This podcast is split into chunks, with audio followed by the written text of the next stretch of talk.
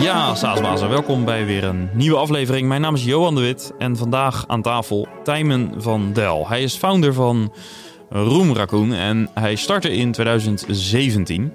Heeft inmiddels een team van ruim 100 mensen en is op weg van 5 naar 10 miljoen ARR. Hij begon in Nederland, maar inmiddels zit ruim de helft van zijn team in Zuid-Afrika. En we praten vooral over internationalisatie en de uitdagingen in de diverse groeifasen die hij uh, al heeft doorlopen. Ja, en ook deze aflevering wordt mede mogelijk gemaakt door Leadinfo. Leadinfo zegt: Vandaag verloor je omzet zonder het te weten. Nou, hoe komt dat? Uh, minder dan 5% van je websitebezoekers onderneemt actie. Dat wil zeggen, ze doen geen demo-aanvraag, ze uh, starten geen trial of uh, nou, doen geen contactaanvraag of iets van die aard. En met Leadinfo zie je precies welke bedrijven jouw website bezoeken zodat jij zelf actie kan ondernemen om uh, in contact te komen met je websitebezoekers. Ga dus naar uh, leadinfo.com slash saasbazen om te zien hoe jij uh, ja, meer werk kunt maken van je leadgeneratie. En dan gaan we nu naar het gesprek dat ik had met Timon. Enjoy!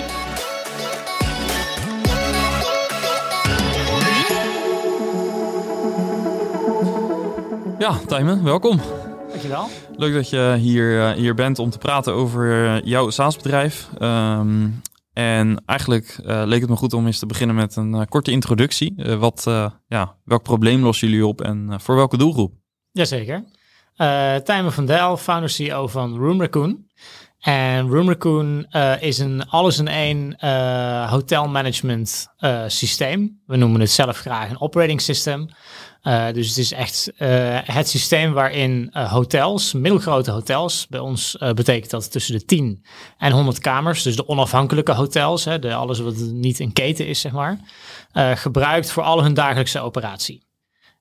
we hebben toen wij begonnen, zes, zeven jaar geleden, mijn co-founder die runde een, een, een, een hotelletje in, in Breda, waar we vandaan komen. En uh, wij kwamen er vrij snel achter dat het runnen van, van een hotel een vrij traditionele business is. Met een relatief weinig adoptie en waardering voor technologie. Hm. Nou, ik heb zelf uh, meer een technische achtergrond. Dus ik uh, nou ja, was daar al gauw heel allergisch voor.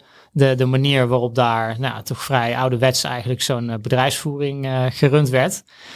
Um, en hebben we de ja, droom ontwikkeld om dat te veranderen om uh, hotels uh, eigenlijk succesvoller te maken qua businessvoering. Uh, door, door ze van, een, van één compleet systeem te voorzien. Wat ze helpt om meer uit hun kamers te halen. Betere kamerpricing. veel slimmere operatie met een heel stuk automatisering. En ze ook helpt kamers op slimmere plekken te verkopen. Waardoor ze uiteindelijk minder betalen voor, voor commissie en dergelijke. Oké, en, en, en hoe zag de eerste, uh, zeg maar de eerste fase eruit? Heb je zelf een MVP ontwikkeld alleen zeg maar voor dat hotel van je co-founder? Of uh, ja, hoe, hoe heb je dat gedaan? Ja, exact dat. Uh, dus uh, we zijn, ons eigen hotel was onze, nou ja, was onze eerste klant en dus ook onze ja, soort van ICP, zeg maar. En we hebben in, het, in ons aanloopjaar 2016 zijn we, ben ik iedere dag na mijn normale dayjob destijds uh, naar Nadia, naar het hotel gegaan. En hebben wij eigenlijk heel de avond samen gesleuteld aan de volgende versie. Uh, die dezelfde avond, het eind van de avond, geïmplementeerd in het hotel. Volgende dag uh, in gebruik genomen door de, door de frontdesk crew in het hotel. En natuurlijk voorzien van heel veel feedback. zoals dat gaat als je een MVP bouwt en eigenlijk al in productie is, ver voordat hij af is. dus ehm, ja, heel, heel hard uh, doorontwikkeld. Iedere dag een release, iedere dag een iteratie. En ook gedurende dat jaar uh, steeds meer hotels als launching customers aangesloten. Natuurlijk, uh, nou ja, nieuwe ogen, ander hotel. Ondanks dat je ook, ja, zeg maar, grofweg hetzelfde doet. toch hele andere verwachtingen van, van, je, van je operating system.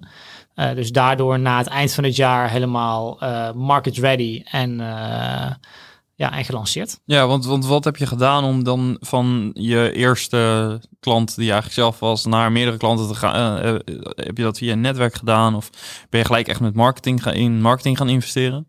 Uh, nee, in de aanloop van dat jaar wel. Uh, maar de eerste launching customers die we hebben toegevoegd, we kwamen eigenlijk uit ons vooronderzoek. Dus uh, toen we met dit idee aan het spelen waren van... hey, is dit nou een probleem wat alleen jouw hotel heeft... wat we willen oplossen? Of is dit probleem veel groter en kunnen we daar misschien uh, een, ja, een, echt een, uh, een business omheen gaan bouwen?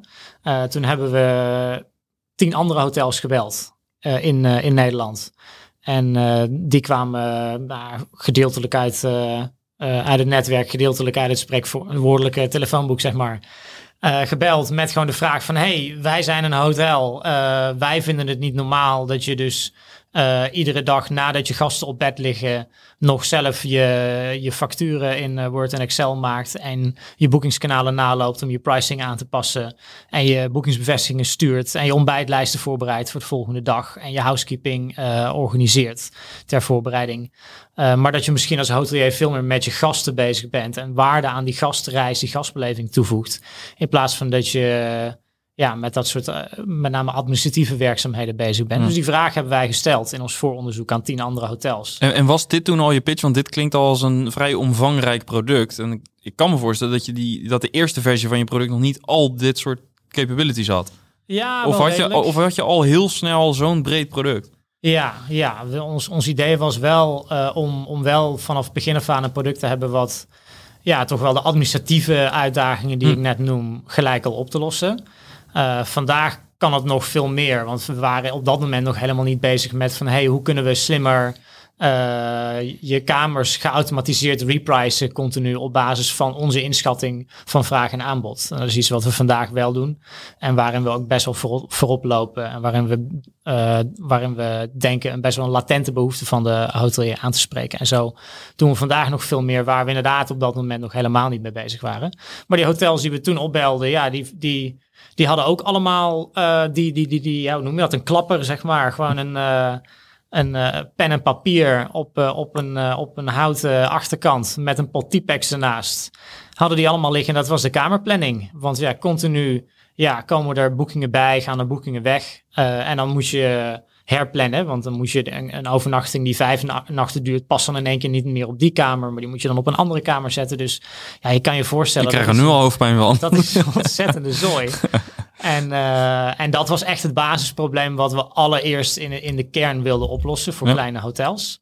En daar hadden die, uh, nou eigenlijk hebben we gewoon toen we het product vervolgens aan het ontwikkelen waren, die tien hotels teruggebeld en uitgelegd van nou ja, weet je, we zijn het probleem aan het oplossen. Uh, als we zijn hotelier en softwareontwikkelaar en we denken dat we dit probleem kunnen oplossen en we denken dat we dat ja, we, we hebben deze ambitie ontwikkeld. Wil je het misschien proberen? Je hoeft er niet voor te betalen. Maar we willen wel je feedback en we willen ook echt dat je het gaat gebruiken. Nou, dat, dat wilde iedereen. Dus dat waren onze launching customers. Ja, fast forward naar vandaag. Ruim 100 mensen.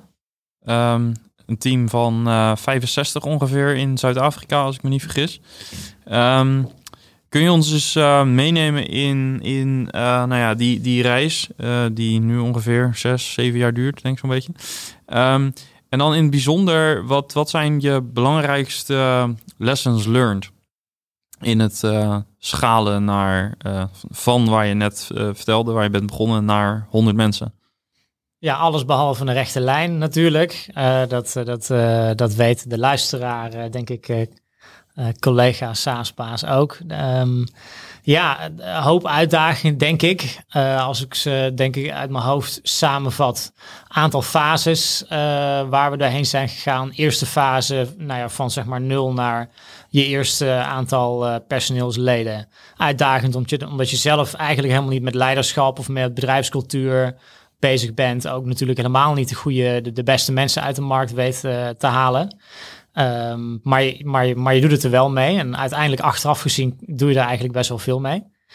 Um, vervolgens een, fase in waar je echt wel naar je leiderschap toe moet. En ook uh, niet alleen zelf uh, met, met meerdere rollen. Want je bent natuurlijk specialist en, en je hebt iets, je, je, bent, je hebt eerst uh, zeg maar early succes. Omdat je zelf misschien goed bent om dat product heel snel van niks naar iets te krijgen. Uh, en daarmee uh, best wel snel een, een uh, leuke exposure krijgt en best wel veel afzet in de markt. En we hadden ook al vanaf het begin af aan een hele directe en sterke go-to-market market ambitie.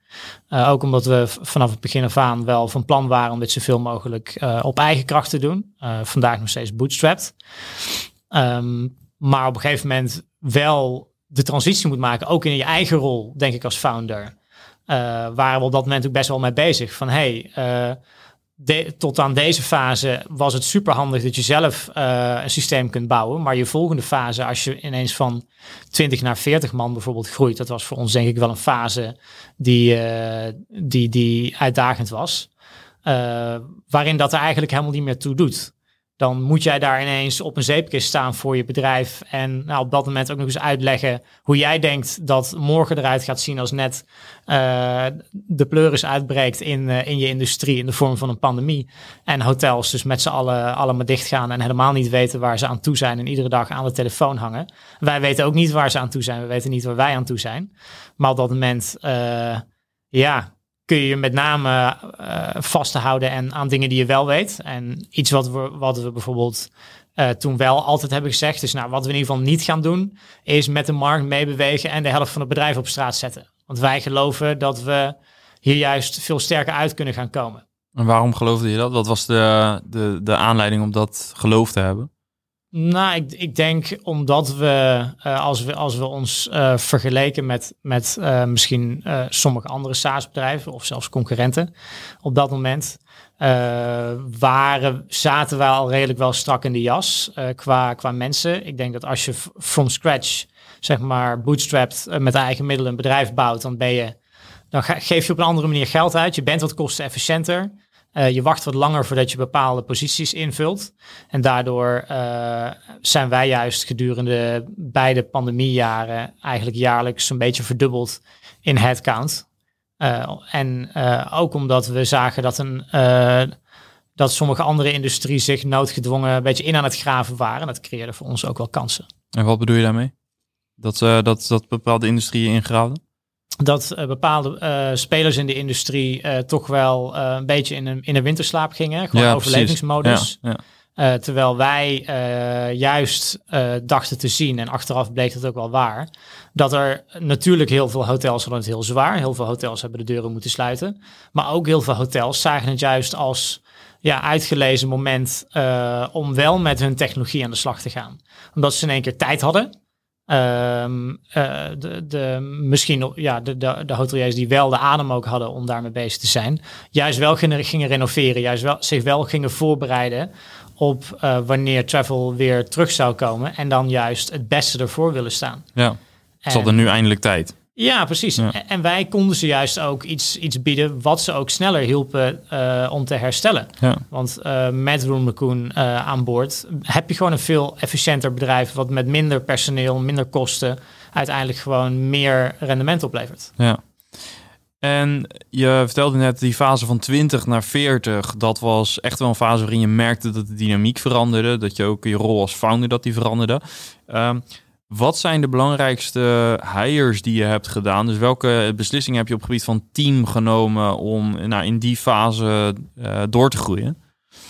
Uh, we hebben op dat moment uh, hebben we eigenlijk zelf als founders en daarmee als natuurlijk leiders tot, tot aan dat punt van het bedrijf hebben gezegd, nou, we willen eigenlijk een soort van stap naar de achtergrond doen als, als leadership.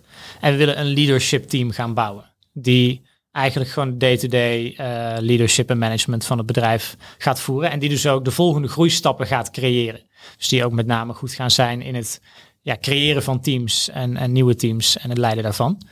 Uh, dus dat is denk ik een, een hele belangrijke stap geweest die ook heel erg spannend is. Want dan gaat in één keer, heb je mensen aan het roer staan waarvan jij zelf weet, maar ook de mensen die zij op dat moment leiden als ze binnenkomen, weten dat die mensen eigenlijk veel minder goed zijn in wat uh, wat zij doen dan de founders dat, uh, dat, dat waren. Puur alleen maar omdat de founders gewoon meer context, meer historie, meer passie op dat moment altijd hadden. Dus dat is best wel een, uh, een spannende verandering als je dat, die, die best wel tijd nodig heeft, die, die wil lekker te landen. En ook met heel veel learnings gepaard gaat. Het, het, was natuurlijk een, een uitdagende tijd. toen in de pandemie met veel stress in de markt, veel nou ja, veel ehm, uitdagingen, denk ik, in privélevens. Want die, die, zeg maar, die stap 20 naar 40 ongeveer, dat was uh, gedurende de pandemie. Dat was, was dat het eerste coronajaar een beetje? Ja, precies. Ja, precies. Oké. Ja. Um, waarbij, we, waarbij we ook uh, nou ja, best wel wat learnings hebben meegenomen over nou ja, hoe, uh, wat zijn nou de juiste mensen op welk moment. En uh, moet je zo'n team misschien wel in één keer, moet je dat eigenlijk wel in één keer willen bouwen of geleidelijk? Omdat we ook zagen dat uh, degene die je op 20 man aanneemt om een bepaalde, om bijvoorbeeld ons marketingteam aan te sturen of eigenlijk te bouwen. Op dat moment hadden we niet echt een marketingteam. Dus je zoekt iemand die zelf best wel veel aan de knoppen kan zitten, maar ook iemand die eigenlijk generalistisch genoeg is om een marketingteam te, ga te gaan bouwen en leiden. Nou, dat zijn al twee best wel verschillende dingen. Ja. Dus dan merk je dat je als je een jaar verder bent en je hebt dat marketingteam en je bent op 40 man, um, dat, die, uh, dat je al merkt van hé, hey, wat ja, is, zit die persoon nog wel op de juiste plek? En dat je een half jaar later dus ook uiteindelijk zo'n zo'n persoon vervangt. Wat extra spannend is, want je hebt net redelijk koud uh, tegen je team verteld dat dit juist de man is die, ja, die de show uh, runt. Ja. Uh, dus, dus ja, veel, uh, veel verandering. En dat kun je denk ik ook niet in één keer goed doen. Zit het ook in, heeft het ook te maken met zeg maar loslaten als founder? Dat daar ook uh, moeilijkheid zit? Ja, er zit een moeilijkheid. ik denk dat het een typische uitdaging is. moeilijkheid, ja, omdat je dus zoveel dingen zoveel sneller en beter weet, initieel in ieder geval. Uh, dan zo iemand die je daarvoor aanneemt. En de enige manier waarom, waarop zo iemand het gaat leren en uiteindelijk wel zelf die autoriteitspositie in je organisatie creëert, is juist als die het zoveel mogelijk zelf doet. Um, maar wel met controle. Want uiteindelijk het is wel jouw bedrijf. En jij bent er in ieder geval volgend jaar en het jaar daarna en het jaar daarna ook nog. En uiteindelijk is het ook jouw uh, enterprise value, zeg maar, die op het spel staat. Terwijl uh, een manager die je daarvoor aanneemt, ja, op het moment dat het tegen zit, bij wijze van spreken, uh, dan uh, die kan. Uh, het, het, die, die, kan heel, die, die heeft, denk ik, heel veel invloed nodig binnen je organisatie om te kunnen functioneren. Maar als het niet lekker loopt, dan heeft dat natuurlijk ook heel veel impact. Ja. Dus ja, je moet loslaten, maar je hebt als founder, denk ik, toch niet alleen maar de, de, de, behoefte, maar ook nog de noodzaak aan heel veel controle over dat proces. Ja, en wat voor controle-instrumenten heb je als founder? Uh, budgetten uh, in processen. Uh, ik denk dat dat. En, en, ik denk dat het een van de learnings is geweest dat we misschien achteraf sneller. Ehm, continu die gesprekken moesten hebben met, met, met dat leadership team over nou, waar start en stop nu jullie ja, zeg maar autonome bevoegdheid. En daar kun je bijvoorbeeld uh, bij veel processen ook bedragen aan koppelen. Uh, en het is ook helemaal niet erg als iemand niet vanaf dag één volledig autonome bevoegdheid heeft. Want je hebt natuurlijk eerst veel meer ja, context misschien nodig eh, voordat je de beste keuzes kunt maken. Zeker als keuzes moeilijk omkeerbaar zijn. Dus ik denk dat het, uh, dat het goed uh, dat we misschien achteraf gezien eerder ook het gesprek hadden moeten voeren van hey, wat zijn nou de dingen deze week waar, waarbij we denken dat de volgende stap is in jouw verdere autonomie en wat voor limiet stoppen we daaraan? En zijn dat keuzes die makkelijk omkeerbaar zijn? Uh, zijn dat nou ja, ook keuzes waarbij er echt veel meerwaarde ligt in, het, in dat jij dus zelfstandig daarin kunt beslissen? En, sommige, uh, en, en daar gewoon een, uh, een, een lijn trekken die ook, die ook verdedigbaar is, denk ik. En die je ook continu kunt opschuiven. En dan weet je leadership team ook van hey, je de founder is wel degelijk bereid en, en willig om, uh, om dat los te laten. Maar ik moet daar ingroeien en dat doen we stap bij stap. Ja. toen je dat leadership team ging, ging aanstellen, wat waren de belangrijkste persoonlijke kenmerken waar jij naar zocht, ongeacht uh, hun functieprofiel, zeg maar? Of dat dan uh, sales of customer succes of wat dan ook is. Welke persoonlijke eigenschap is daarin het belangrijkst geweest? Ja, ik denk een soort van eagerness, een vechtlust. We, je hebt ze eigenlijk relatief weinig te bieden. Want je bent een vrij nieuw bedrijf. En voor, ondanks dat jij daar zelf heel erg in gelooft als founder, heb, heb je ze misschien relatief minder zekerheden te bieden dan, uh, dan meer gevestigde bedrijven. Um, je, we kunnen ze ook uh, niet het meest competitieve salaris bieden als startend bootstrap bedrijf. Uh, althans, dat denk je met name uh, ook als founder. Ik denk dat je achteraf gezien misschien meer kan dan dat je zelf denkt op dat gebied. Uh, dus je hebt met name mensen nodig ja, die strijdbaar zijn, die er gewoon voor willen gaan en die, uh, die ook in die dynamiek mee kunnen. Want je, je, je kunt ze, uh, ja, hoe, hoe, hoe gaat je rol eruit zien? Ja, dat, dat, dat weten we eigenlijk niet. We leven in honderd jaren. Je rol gaat er sowieso over een maand anders uitzien dan weer een maand daarna. Um, dus er moet in ieder geval die, die, die, die strijdbaarheid moet er allereerst zijn. Ja, en dan is het verder, denk ik, de balans continu zoeken tussen ja, specialist en generalist. Hoe assess je dit soort dingen? Of hoe hebben jullie dat gedaan? Um, op dat moment, uh, nou ja, we hadden al nog geen uh, head of people of recruitment of HR of, of iets daarvan. dus heel veel gut feeling, heel veel lange interviews, zodat, zodat het veel minder een soort van ja, kadertje uh, wordt waar je doorheen kijkt in een, in een korte interview en iemand eigenlijk soort van in de salesmodus zit en, en zichzelf verkoopt. Uh, we hebben met, uh, met, met, met die mensen op dat moment interviews gehad van een hele dag. niet alleen met ons, maar ook met, met de andere, zeg maar, eerste raccoons. zodat die ook eventjes met ze tussendoor een uur gingen lunchen. Of even van een hele andere inkijkhoek. Um, ja, wat, wat quality time met, met, met je sollicitant uh, bespreken. Ja, en we hadden het echt interviews of uh, konden dat ook uh, opdrachten zijn, assessments, misschien proefdagen? Nee, met name wel echt heel veel interviewen, heel, okay. heel veel cases, dus ook wel een beetje een soort van assessment, maar, nou, maar altijd wel in, in interviewverband, in ja. presentatieverband. Ja. En dan, dan merk je dus ook dat uh, en we hadden daar toen uh, het boekje over gelezen. Want uh, zo leer je hoe het bedrijf bouwen werkt. Met boekjes lezen en naar podcasts luisteren. de, de hoe met de topgrading methodologie. Um, enigszins bekend. En ja, hele hands-on praktische tip. En dit, dit Praktisch framework wat het redelijk ja, toetsbaar maakt. Precies, ja. ja. En, en daarin, uh, dat was ook een van de, van de interviewmethodes en interviewstappen, zeg maar, die in het boekje stond. En daar hebben we denk ik best veel aan gehad, ja. ja. De, dat soort processen dwingt je vaak ook om na te denken over je waarden, uh, over ja, hoe je cultuur echt zou moeten zijn. In welke fase van het bedrijf hebben jullie dat een beetje opgezet? Um, dat je na ging denken, echt, echt um, actief ging werken aan cultuur en waarden? Heel vroeg. Uh, wij hebben, we zijn begonnen in, uh, we zijn uh, incorporated in januari 2017 met één medewerker toen in dienst, één commerciële medewerker. En een half jaar later hadden wij de eerste 100 hotels aan boord. En dat was meer dan dat we ooit hadden durven te dromen. en op dat moment zijn Nadia en ik ook afscheid genomen van onze voormalige carrières. En helemaal exit gegaan en, en helemaal volledig op Roemerkoen. Uh, met ook daarbij uh, zijn we een internationaal plan gaan bouwen. Want we hadden wel vrij snel al door van hey, Nederland, mooi land, kunnen we heel veel gaan doen. Maar wat is er hè, verder? Wat is er over de grens? Zijn er nou ja, zijn uiteraard ook heel veel hotels. En die hebben allicht gewoon dezelfde uitdagingen, uh, waarbij onze oplossing uh, vergelijkbare meerwaarde kan bieden.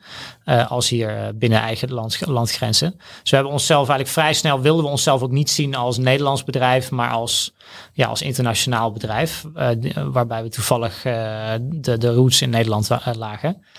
Um, dus we zijn toen een groeiplan gaan maken. En hebben toen voor de keuze gestaan, oké, gaan we Ehm, de, nou, de eerste keuze die we maakten is, we gaan groeien, of we gaan in ieder geval die markten verkennen, andere markten verkennen, door daar gaan proberen te verkopen. Want we hadden het idee, dan leren we uiteindelijk gewoon het snelst, zeker als je een hele goede feedback loop in place zet. Uh, dus vervolgens, dat heeft ook de keuze gedreven dat we die mensen dus, die, interna die dat internationale sales team wat we toen wilden gaan vormen, uh, bij ons op kantoor wilden hebben en niet in hun eigen markt. Wat natuurlijk weer andere voordelen heeft dan hun eigen markt. Vind je ze misschien ook sneller. Uh, Italianen zijn nou eenmaal makkelijker te vinden in Italië dan in Nederland uh, en dergelijke. Kan ik dit een beetje zien als een meer pragmatische approach ten opzichte van bijvoorbeeld een marktonderzoek doen, consultancybureau inschakelen, dat soort dingen. Dus eigenlijk gewoon experimenteren. Gewoon Exact. naar het land toe gaan, proberen te verkopen en op basis van je scoringsratio's ratio's zou je iets kunnen zien. Precies, nou ja, en daar ben je natuurlijk ook iedere dag bij. Eigenlijk net zoals we de Roemer Koen het jaar daarvoor gebouwd hebben. Eh, eh, gebase- eh, gebaseerd op een, een, hoge dosis common sense en natuurlijk zelf heel dicht bij je markt staan. Ja, dagelijks experimenteren en dagelijks dan ook bijsturen en verbeteren. Dus dat was, dat was echt ons, eh, ons, ons eerste groeiplan buiten de landgrenzen. Zijn we dus al, nou ja, eigenlijk binnen een, eh, na een half jaar zijn we daarmee begonnen om dat uit te rollen. En ongeveer een jaar na onze eerste oprichting eh, in Nederland stond dat ook. En eh, hadden we ineens eh, ja, een stuk of tien eh, nationaliteiten eh, in dienst. Tien verkopers die bij ons op kantoor in Breda eh, met, van ons een laptop, een, eh, een, een eh, nationaal telefoonnummer en een translator tool van ons product, zeg maar, wat we hadden voorbereid kregen en gezegd van, nou ja, ga het maar lokaliseren en ga het maar verkopen. En alles wat je tegenkomt onderweg, dat gaan we bespreken en dan gaan we proberen op te lossen of te verbeteren. En, ehm, En hoe hi- hield jij overzicht over eh, al die experimenten die gedaan werden? En ehm, op welke manier zorgde je dat je de juiste data had om beslissingen te nemen over waar je wel en niet mee door zou gaan? We hebben van begin af aan best wel een strak performance framework eh, opgezet. Eh, in ons kantoor hadden we een groot scherm hangen met, eh, met alle dashboards en KPI's en leaderboards. Ook zeker omdat we best wel veel gewicht hadden op sales. Dus veel competitief, competitieve zichtbaarheid, zeg maar. Ja, en dan dagelijks daarop monitoren. En, en, en, ook veel dieper kunnen gaan in je dashboarding binnen ons eigen systeem. Ehm, ja, en, en gewoon in gesprek zijn. Eh, je kunt niet per se meeluisteren met een eh, Italiaan. Althans, dat kan wel. Maar ik spreek geen Italiaans. Dus eh, dat, daarmee, ehm, daar, daar liggen beperkte mogelijkheden. Dus je kijkt echt, je, je hebt heel erg naar de cijfers gekeken. Precies, ja. Ja. Nou ja, en, en ook dagelijks daarover hebben. En natuurlijk voorbeelden van, kijk, dit werkt wel. Dus eh, ja, probeer dit eens. En eh, ja, Ja. probeer continu eh, die, exp- die experimenten ook te kunnen bevatten. Van, nou, waarom werkt nou hetgeen wat jij doet niet? En wat je dan heel snel, wat we heel snel hadden, is eh, een, een Spanjaard die zei van, ja, maar het werkt niet in Spanje. En dan vroegen wij van, ja, maar waarom niet? En dan zeggen ze, ja, Spa- Spaanse hotels willen dit niet, willen, willen niet betalen voor software. Nou goed, dat, dat ga je dan eh, uitdagen, dat ga je challengen, want dan kom je erachter van ja, maar er zijn ook andere softwareproducten waar hotels voor betalen in Spanje. Dus ik denk dat het wel kan. En soms heb je maanden nodig voordat je het op een gegeven moment door hebt van ja, shit, mijn, mijn pitch klopt niet. Ik moet eigenlijk iets heel anders verkopen. De pijn die ik probeer te adresseren in mijn commerciële verhaal, die, die is misschien te veel aangenomen op, op een ander type hotel. Eh, of misschien moet je wel gewoon andere type hotels bellen. Ja. Ehm, dus dat was denk ik op dat moment. eh, nou ja, we, we, hebben dus, we hadden drie medewerkers in dienst en toen hebben we 25 vacatures opengezet. Dat was het moment dat we best wel zijn gaan nadenken van hé, hey, maar dat, dat betekent dat we in één keer een organisatie hebben. En of we nou wi- willen of niet, dan is er een cultuur. En op dat moment moeten we daarbij zijn als eh, moeten we eh, ons bewust zijn van het feit dat wij ook of we ons, ja, of we nou willen of niet, leiders zijn en bepalend zijn voor, voor die cultuur. Ja. Dan zitten we inmiddels op, eh, van, we hebben de stap gemaakt van 20 naar 40. Je omschreef dat eigenlijk als de ehm, meest impactvolle periode in de 0 naar 100. Ehm, hoe is het jaar daarna gegaan? Ehm, even vanuitgaande dat je toen ook verdubbelde, zei je ongeveer. Dus eh, zeg maar van, van 40 naar 60. Eh, wat waren daar de belangrijkste uitdagingen in die fase? 40 naar 80 misschien? Ik denk heel veel processen formaliseren. Hm. Daar lag de nadruk heel erg. Eh, op het moment dat je met 40 bent, dan, heb, dan is er nog heel organisch zicht op alles. En ook met je, met je managementlaag die je op dat moment hebt geïnstalleerd. Ook zij sta- staan nog heel dicht bij, bij hun, ehm, hun direct reports. Terwijl op het moment dat je naar, eh, naar 80 gaat, dan, heb je, eh, dan moeten er in één keer controleprocessen zijn. En die controleprocessen kwamen we later ook achter. Die moet je ook eigenlijk niet achteraf in gaan bouwen om daadwerkelijk te kunnen te controleren. Maar je moet beginnen om, eh, vo- voordat je misschien zelfs een rol definieert of opent, eh, om al eerst te weten van nou, wat moet iemand nou precies doen? En eh, zowel op, eh, hè, op dagelijks niveau of eh, rondom contactmomenten met klanten of, ehm, eh, ja, of, of wekelijks of maandelijks. Maar hoe, hoe beginnen we eigenlijk uh, om dat meetbaar te maken voordat we überhaupt daarmee aan de slag gaan? Ja. En dat meetbaar op een manier dat het natuurlijk uh, inzichtelijk is, dat het betrouwbaar is. Um, en dat is dan lastig, want je hebt eigenlijk nog te weinig ervaring om dat in één keer goed te doen. Uh, wat heb je, je wel ervaring in huis gehaald, uh, bijvoorbeeld in de zin van mentoren, of heb je een bepaald framework? veel bedrijven gaan op een gegeven moment naar scaling up en zo kijken, dat soort methodes. Hebben jullie ook dat soort initiatieven geprobeerd of gedaan, of nog steeds? Ja, zeker. Scaling up is inderdaad een, een, groeimethode die we vrij, uh, vrij early on al hebben geïmplementeerd. En waar we ook veel aan hebben gehad en ook nog steeds gebruiken. En bij, bij juist... welke fase zijn jullie ongeveer begonnen? Hoeveel medewerkers?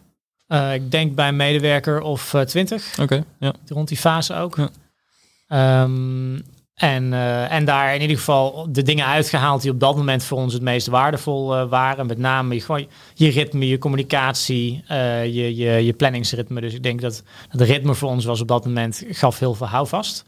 maar ook een, een, taal die je onder, onderling spreekt. En die afspreekt ook met je, met je leadership team op zo'n moment. Ja. en ook nu net, nu net terug uit Zuid-Afrika en daar een sessie gedaan met ons leadership team. Wat inmiddels uit 13 man bestaat. Um, en, en ze hen echt helemaal meegenomen in, uh, in de context van scaling up. En dan merk je dat dat super motiverend is. En dat zij in één keer ook begrijpen waar, waar misschien op dat moment eh, de founders of het senior leadership team het misschien al die tijd over heeft gehad. Ja, ja. En, en um, ja, je geeft zelf al aan uh, Zuid-Afrika. Hoe is uiteindelijk de keuze op Zuid-Afrika gevallen? Want je was dus in heel veel verschillende landen uh, proefballonnetjes aan het oplaten. Ja, Zuid-Afrika is begonnen bij ons in die tijd als proefballonnetje. We hadden met name mensen dus de, al die nationaliteiten bij ons op kantoor zitten, omdat we de, de learnings gewoon heel snel door de experiment learnings heen wilden kunnen itereren. Uh, Zuid-Afrika was eigenlijk de, op dat moment een uitzondering daarop. Uh, we hadden een aanknopingspunt. We hadden iemand uit ons eigen netwerk. Iemand die notabene ons eigen hotel had gewerkt. Die werkte op dat moment voor een hotel in Zuid-Afrika. En die hebben wij zover gekregen om voor ons daar nou ja, de, de markt te gaan verkennen. En uh, we merkten dat hij een veel langere aanloop uh, nodig had om überhaupt te, ja, te kunnen gaan verkopen initieel. Uh, maar achteraf gezien wel veel sneller toen die eenmaal door had hoe het moest. Veel sneller kon opschalen in zijn sales dan die mensen die dus uh, internationaal bij ons op kantoor zijn gaan runnen. Dat is uh, toen ook de beslissing geweest voor ons om, om dus wel echt in market te zijn met al onze, al onze verkoop. Omdat je gewoon daar veel sneller je vertrouwensrelatie opbouwt met, met, je, met je prospects, met de hotels. Uh, dus dat, dat was voor ons een, uh, dat ballonnetje wat, uh, wat heel succesvol was. Dat we, zijn daar op een gegeven moment best wel snel gaan groeien met, met hotels die Roomacom gebruiken. we hadden daar behoefte wel vrij snel aan wat ondersteuning, sales support en, en, en client support. Dus we hadden daar twee, twee locals aangenomen. Wilden we eigenlijk in eerste instantie niet, want we wilden zoveel mogelijk mensen bij elkaar hebben zodat je de cultuur beter onder controle hebt, uh, zodat je sneller van elkaar kunt leren. Um, en ook uh, ja, pre-pandemic, dus misschien nog wat minder gewend aan, uh, aan het remote working. En dat ging eigenlijk heel goed. Die, de, de, de, de, de werkmentaliteit was goed. Zuid-Afrika is een arbeidsmarkt waar een stuk minder um, de werkloosheidscijfers een stuk hoger zijn dan, dan in Nederland. Dus een, best wel een, uh, een hoop uh, talenten eigenlijk te vinden is in de markt met een, met een goede mentaliteit en een goede opleiding. Um, en toen we ja, met name, ik denk een beetje de fase 40 naar 80 wilden gaan maken aan personeels headcount. ja, die, die vacatures die we kregen ze gewoon niet gevuld. Nou zitten we ook niet in het epicentrum van SaaS-talent in, in Breda. Maar um, ja, we, dat begon een te grote groeibottleneck te worden voor ons. Dat we op een gegeven moment gezegd hebben van nou, laten we nou eens in dat mini-sales uh, kantoortje wat we in Kaapstad hebben, laten we daar gewoon eens een aantal vacatures gaan openzetten. Kijken wat dat doet. Nou, dat was een experiment. Nou, die vacatures waren in no time vervuld met goede mensen. Uh, juniors uh, zijn goedkoper daar, dus we hebben daar een kostenvoordeel bij. Dus we kunnen uiteindelijk onze hotels meer service leveren voor hetzelfde geld. Nou, dat is wat ze willen. Ehm, en ook best wel seniors die helemaal niet goedkoper zijn dan hier. Want die kunnen, uh, nou ja, dus voor Europese bedrijven werken voor uh, Europese bedragen. Maar ze zijn er wel en ze zijn ook hartstikke goed. Ja, en uiteindelijk tijdverschil heb je niet? Uh, nauwelijks, niet volgens mij? Nauwelijks. Uh, Zuid-Afrika, heel Afrika doet niet aan zomertijd. Dus we hebben een half jaar in het jaar dat we een, uur achterlopen. Ja, precies. Ja. Maar dat, dat valt alles mee. Ja. ja. En, en culturele verschillen? Culturele Ta verschillen. taal gaat redelijk, redelijk ma makkelijk volgens mij. Ja, eerste taal in Zuid-Afrika is Engels. Dus daar hebben we baat bij. Ja. Uh, Engels is toch al onze voertaal binnen het bedrijf. Dus weinig taalbarrière, weinig tijdszonebarrière. Culturele verschillen zijn er zeker wel. Het is gewoon wel een cultuur aan de andere kant van de wereld. Uh, dus uh, ik denk een van de belangrijkste cultuurverschillen die we hebben ervaren daar... Uh, is de manier waarop je um, vertrouwen opbouwt onderling. En dat gaat niet alleen maar van werkgever naar werknemer, maar ook van, van leverancier naar, naar opdrachtgever, van overheid naar burger. Een aantal dingen werken daar wel echt heel anders dan dat we hier gewend zijn. Um, maar dat is allemaal overbrugbaar. We hebben onze head of people is Zuid-Afrikaanse. Zij is wel, we hebben haar wel naar Nederland gehaald, zodat we er wat dichter bij huis hebben. Um, maar dat helpt heel erg ter, ter overbrugging. Uh, ja. dat, je, dat je niet alleen maar ja, je, je, je HR en je, en je senior management in Nederland hebt, wat dan probeert een, een team aan de andere kant van de wereld in een andere cultuur te bouwen. Ja, en, en uh, hoe ziet de markt er daaruit voor jullie? Want daar is veel toerisme. Uh, dus ik ga er even vanuit veel hotels. Ja. Uh, is het ook een strategisch interessante markt qua klanten of is het echt wel meer het team?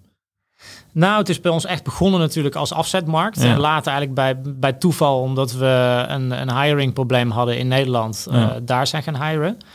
Uh, dus inmiddels is het uh, voor ons met name een, een het is een soort van de facto HQ voor ons nu, omdat daar de meeste mensen zitten.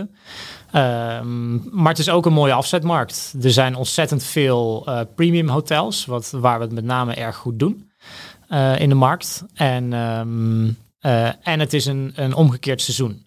En dat was voor ons ook in eerste instantie een van de, van de hoofdredenen om naar Zuid-Afrika te gaan. Uh, een, een, een, land wat heel ver weg is, of in ieder geval ja, fysiek heel ver weg is. Um, maar inderdaad, zelfde tijdzone, zelfde taal. veel, veel overeenkomsten toch ook wel in de cultuur. Veel kleinere cultuurverschillen dan, dan misschien in, in, in, in Azië of Latam. Ja. Um, en, en precies op het moment dat ons marketing en sales team toch misschien wat meer moeite had om in gesprek te gaan met de hotelier in hun hoogseizoen. Nou ja, uh, precies de aandacht binnen het bedrijf een beetje kunnen, kunnen verschuiven op, op, op een, ja, naar het andere halfrond, waar het precies omgekeerd loopt. Ja, dat is het mooie bij seizoenswerk als je dat zo internationaal kunt doen. Of tenminste met seizoensinvloeden. Dat die dan dus uh, op die manier een beetje te elimineren zijn. Ja, precies. Ja. Um, uh, tot slot, um, als je nu terugkijkt op nou, dit, dus die, die reis naar, naar, naar 100 mensen en, en waar jullie nu staan.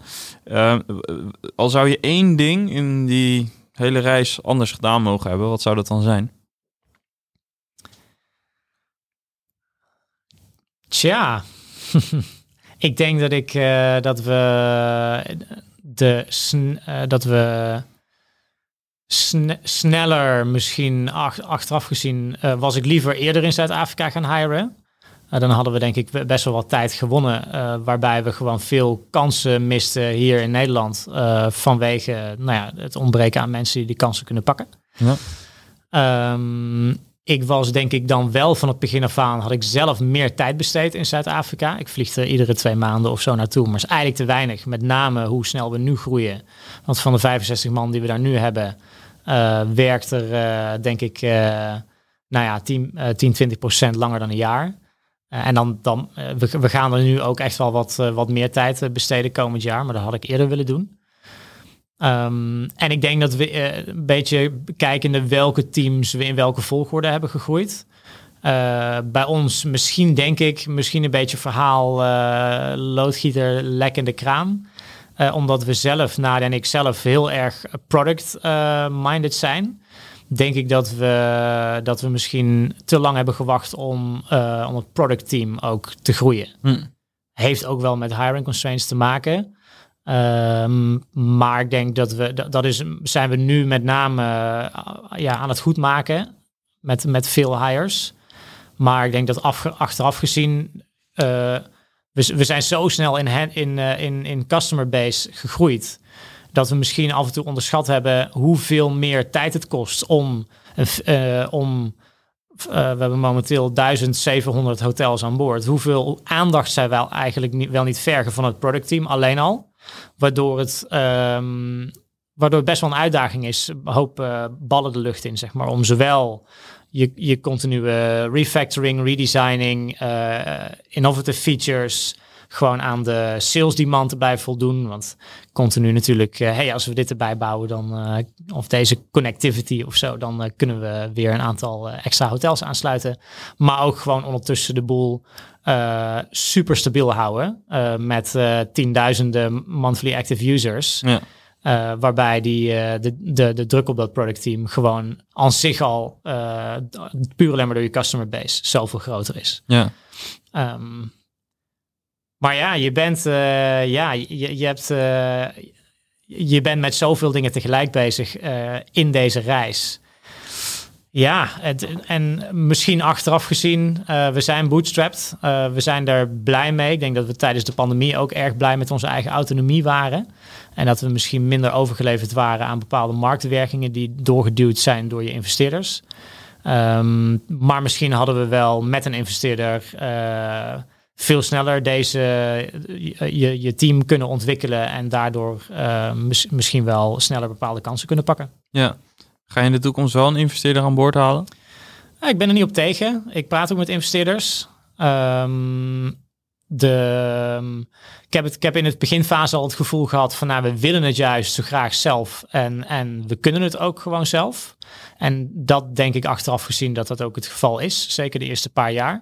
Ik denk wel dat er op een gegeven moment een omslagpunt komt dat je investeerder uh, zowel zijn geld als zijn expertise uh, van de, we, staan nu, uh, zeg maar, we, we, we zijn nu dit jaar hebben we, zijn we van plan om onze huidige 5 miljoen EAR te verdubbelen naar 10.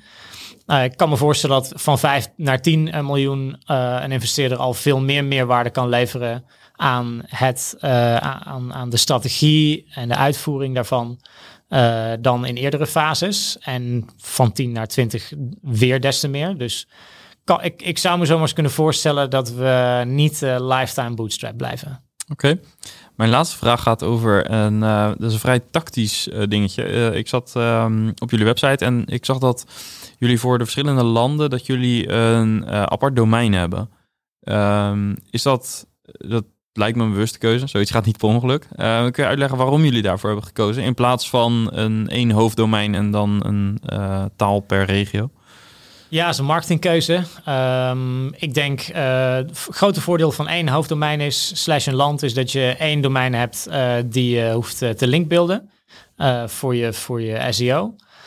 Um, het nadeel is, is dat je wat, wat um, zeg maar nationale identiteit misschien verliest in, je, in bepaalde markten.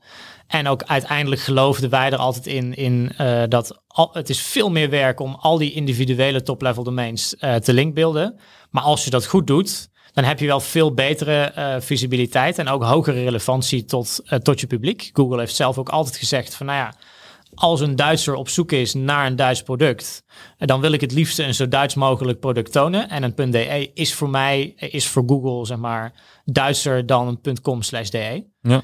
Uh, dus daarin hebben we altijd een bewuste keuze gemaakt om, uh, ja, om zo gelokaliseerd mogelijk deze markt te betreden. En ik denk dat, uh, dat die, die hoge mate van lokalisatie voor ons ook een belangrijke succesfactor is geweest in veel, veel landen. Want een Duitser wil helemaal niet per se een Nederlands product met een Nederlands bedrijf die een Duitser heeft ingehuurd om het in Duitsland te verkopen. Uh, we zijn het operating system van het hotel. We, we, er is echt wel een hoge mate van vertrouwen uh, benodigd. Ja. En wij geloven dat in Europa, uh, hoe beter gelokaliseerd je bent, hoe meer vertrouwen je kunt, ja, je, je hebt met je, met je prospect of, of klant. Ja. Um, wil, wil misschien, we merken wel dat het, dat het erg uitdagend is. Het was een stuk beter te overzien met drie top-level domains dan momenteel tien. Ja. Um, dus de vraag is of we, het of we het zo gaan houden. Ja, en ook naar de toekomst. Als er nog twintig landen bij komen bijvoorbeeld. Exact. Ja. Ja. ja. Dus de vraag is hoe schaalbaar het, het voor ons blijft. Uh, terugkijkende sta ik er in ieder geval nog steeds achter. Ja. Daar was ik even benieuwd naar. Puur vanuit marketingperspectief. Ik krijg de vraag ook regelmatig van startups van ja, wat moeten we doen? En uh, weet je, het algehele beeld is, um, zeker als je nog niet zo goed weet welke landen je wilt gaan bedienen, dan kan het ook best wel even duren als je een nieuw domein registreert voordat je daar autoriteiten mee hebt opgebouwd. Dus ga je bijvoorbeeld naar, ik noem Oostenrijk bijvoorbeeld, dan kan het met een eh, domein in Oostenrijk, uh, een, dan kan het best wel een tijdje duren voordat je daar wat tractie mee hebt. In tegenstelling tot bijvoorbeeld je hoofddomein waar je wat sneller op kunt linkbeelden. Maar de lokalisatie, het lokalisatieargument is ook zeker eentje om uh, uh, mee te nemen in je overwegingen. Ja, het, uh, ik denk die individuele taildays, het, het is meer werk en het duurt langer. Ja. Als je het goed doet, heb je er denk ik uiteindelijk meer aan. Ja. dus het hangt inderdaad erg van je strategie af. Ik denk Ja. dat er niet een goed of fout Nee, is. nee, nee. Mooi. Dankjewel voor het delen van jouw verhaal van uh, 0 naar 100. Dankjewel. Yes, en dat was weer uh, het gesprek van vandaag. Ja, ben je nog uh, niet geabonneerd op deze podcast? Doe dat dan even via je podcast-app, want daarmee uh, krijg je notificaties als er weer een nieuwe aflevering live staat. En laat ook een review achter om nou, te laten zien en weten wat je van deze podcast vindt. En natuurlijk vinden we het ook te gek als je nou, daarin wilt vermelden wat voor thema's jij verder nog aan bod zou willen zien komen in deze podcast. Ja, en ook hebben we een lidmaatschap. Ben je nog geen lid van Saasbazen, maar wel een Saasbaas? Ga naar saasbazen.nl om je aan te melden als lid. Je krijgt dan uh, interessante extra's. En uh, natuurlijk help je ook deze podcast en onze andere initiatieven daarmee een beetje. Bedankt voor het luisteren en heel graag tot volgende week. Bye bye.